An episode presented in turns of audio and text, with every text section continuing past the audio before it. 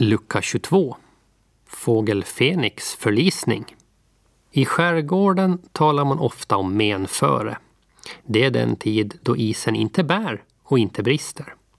Det betyder att man inte kan gå eller skida på isen och inte heller åka ut med båt. Man är fast, tvungen att stanna där man är. Då gäller det att ha mat och allt annat man behöver så man klarar sig långa tider. Det blir mest att sitta inomhus och vänta. Och vänta. Det är en kväll i menförestider som Frida och Fred kommer ihåg sommarens äventyr med dödskallen på Norrskär. Berätta farmor, snälla, ber Frida. Jo, nej, tvekar hon. Det är hemskt. Är ni säkra på att ni vill höra? Jo, det vill tvillingarna.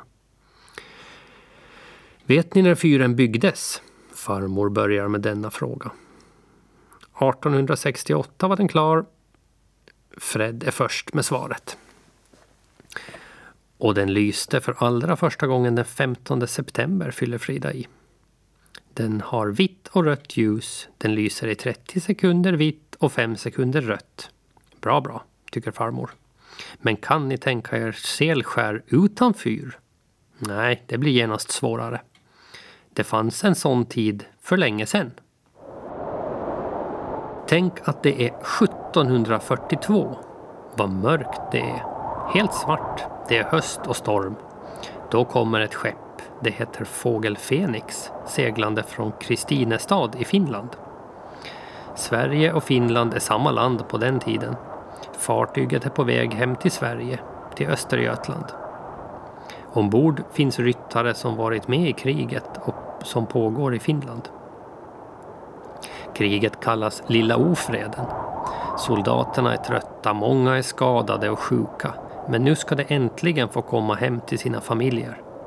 Sammanlagt finns 64 män och pojkar på Fågel Fenix och många hästar. Farmor suckar. Fågel Fenix är ett vackert namn, tycker ni inte? Det brukar berättas att det är en fågel som brinner upp men får nytt liv och stiger upp ur askan igen. Men den här båten får inte något nytt liv igen. Fartyget kommer ur kurs, ränner rakt på Selskär och totalförstörs. Vad man vet kommer alla 64 soldater och sjömän i land med sina hästar. Kanske drunknar några karar när de försöker simma mot land. Kanske dör redan då någon häst. De som dog genast hade det lättare. För på Selskär blir det överlevande fast i mörkret. Ingen mat eller dryck finns. Ingen värme. Inte en människa finns i närheten. Inte ett endaste hopp. Där sitter det huttrande. Kanske kan det på något sätt göra upp eld och i så fall äta något av den mat de haft med på fartyget. Eller rent av offra en häst. Det fryser så in i benmärgen, sitter ihopkurade i klungor i den kalla vinden. Så ljusnar det och alla kan se och förstå just det som de var mest rädda för. Läget är riktigt illa. Ingen hjälp finns att få så långt ögat når. Det skymmer igen och ytterligare en lång och kall natt väntar. Ingen vet hur många dagar och nätter det går. Det sägs att en dag hittar två drängar på Äppelö en smörkagge, en låda med smör i. Och då börjar de tro att något kan ha hänt ute till sjöss. De ror ut mot Selskär i en liten båt.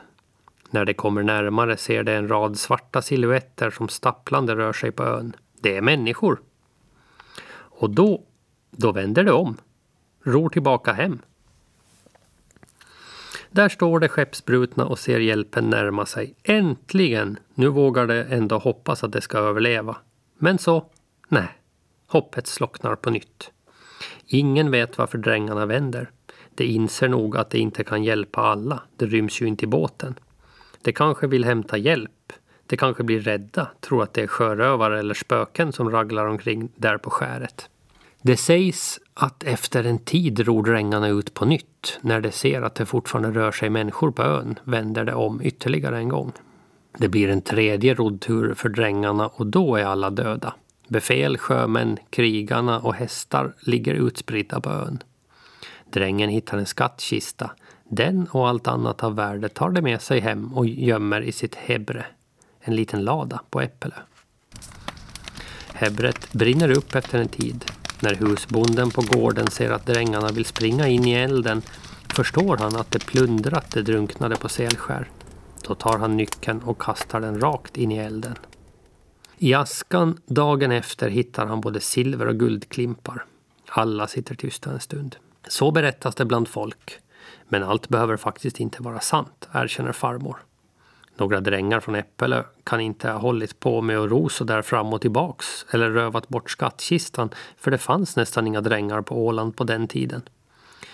1742 var hela landskapet så gott som avfolkat. Nästan alla hade flytt till Sverige. Så, säger Frida, det värsta i den här historien att det finns människor som inte ville hjälpa dem som håller på att svälta eller frysa ihjäl. Just det är påhittat. Det är hemskt nog att så många dog här på Selskär, tycker Fred. Över hundra år senare byggdes fyren, säger farmor och fortsätter. Det var just för att vattnen här omkring var så farliga. Många fartyg gick på grund och många drunknade. När man byggde fyren användes gammalt tegel från Bomarsunds fästning som förstördes 1854. Av samma tegel byggde man också en gravkammare på Norrskäret och där lades skeletten efter alla de som berövades livet i Fågel Fenix förlisning.